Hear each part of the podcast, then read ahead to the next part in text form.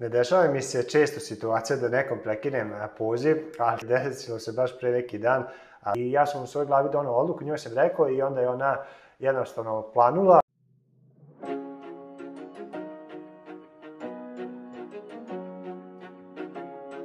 Ne dešava mi se često situacija da nekom prekinem poziv, desilo se baš pre neki dan,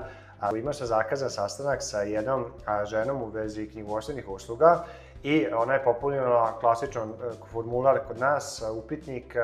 e, i zakazala je u jedan sat sastanak. I ja sam redovno, znači video sam da je zakazan sastanak, spremio sam se, organizao sam svoj dan tako da budem na tom sastanku i prošlo je jedan sat, 1 pet, ja sam uzeo broj telefona da okrenem tu gospođu, ona se javila i ja sam samo se predstavio i pitao sam da li, da li dolazi na sastanak kao što imamo zakazano. I onda je ona rekla, ona je mislila da je pola dva sastanak, tako je meni rekla da je pola dva sastanak i ja sam rekao, ja jednostavno nemam vremena za pola dva i ona je rekla, ok, ok,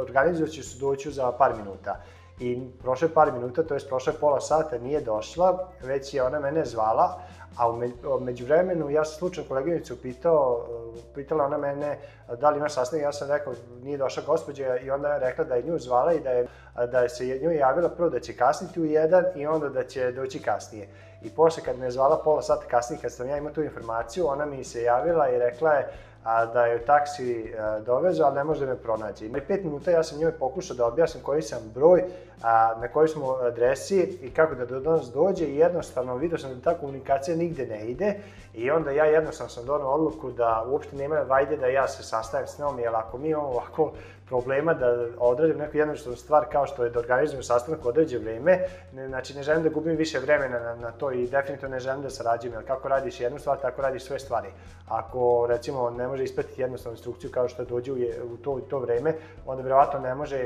za nas biti u stvar u knjigovostu da recimo dostave da dokumentaciju na vreme. I ja sam u svojoj glavi donao odluku, njoj sam rekao i onda je ona jednostavno planula i počela je da mi govori kako možeš e, to tako, znaš i ti da mene ovo košta i tako dalje. Ja sam vidio da ovo nigde ne vodi, samo sam još jednom rekao tako je kako donosim odluku i ona nije htjela da završi, ja sam jednostavno prekidao, znači nisam imao da trošim vreme na takve stvari.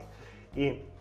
E, posle sam otišao sa timom, imali smo ručak zakazan na ribarcu, I onda mi je javila koleginica da je nju zvali i da je rekla ta gospođa da je pronašla drugu knjigu i rekla da me pozdravi. I cijela ova poenta, ne, ja ne želim, nisam tu ženu ni upoznao, jedino što sam imao kontakt s njom je, jeste tih 10-15 minuta preko telefona i stvarno ne želim da ulazim u njene motive, u nje, njenu ličnost, znači imam razumevanje, možda bi ja tako se ponašao da sam njeno mesto, ali želim vama da prenesem jednu važnu poentu, da i vi ne gubite vreme ako osetite na prvom, prvi utisak vam govori da to nije to. Ja sam pre pravio te greške da jednostavno, kada sam krenuo, kretao ovaj biznis, sam imao jednog klijenta koji je došao kod mene i prvi utisak jednostavno video sam znači, da, da mi se ne sviđa na mrgođe, znači a, ne smeje se i jednostavno nešto mi govorilo da to nije to, ne treba da ulazim u, u saradnju sa njim, ali pošto su mi trebali klijenti, plus pošto je on odmah ostavio novac na sto, a to mi je bilo tad, ovoliko su mi bile oči tada, kada, kada krećete biznis, obično novac je glavni motivator da možete plaćati troškove, a, i sebi da imate neku zaradu. Ja sam prihvatio taj posao i ono što se desilo recimo sa tim klijentima što nisam poslušao sebi, taj prvi osjećaj jeste da posle dva meseca bukvalno a tih, e, mislim da je ostavio 200 eura, a ja sam platio zakup i pošto sam bio tada u zakupu kod a, bake od moje supruge, ona je otišla žena da razmini taj novac i to su bilo falsifikati 200 evra. I posle toga e, taj čovjek mi se nije ni javljao i jednostavno sam naučio tad lekciju. I od sad, kad god uh, imam taj osjećaj ili kad vidim da ljudi imam tešku komunikaciju na početku ili kad ljudi ne mogu pratiti jer neke jednostavne instrukcije, to mi govori, kao što sam rekao na početku, da to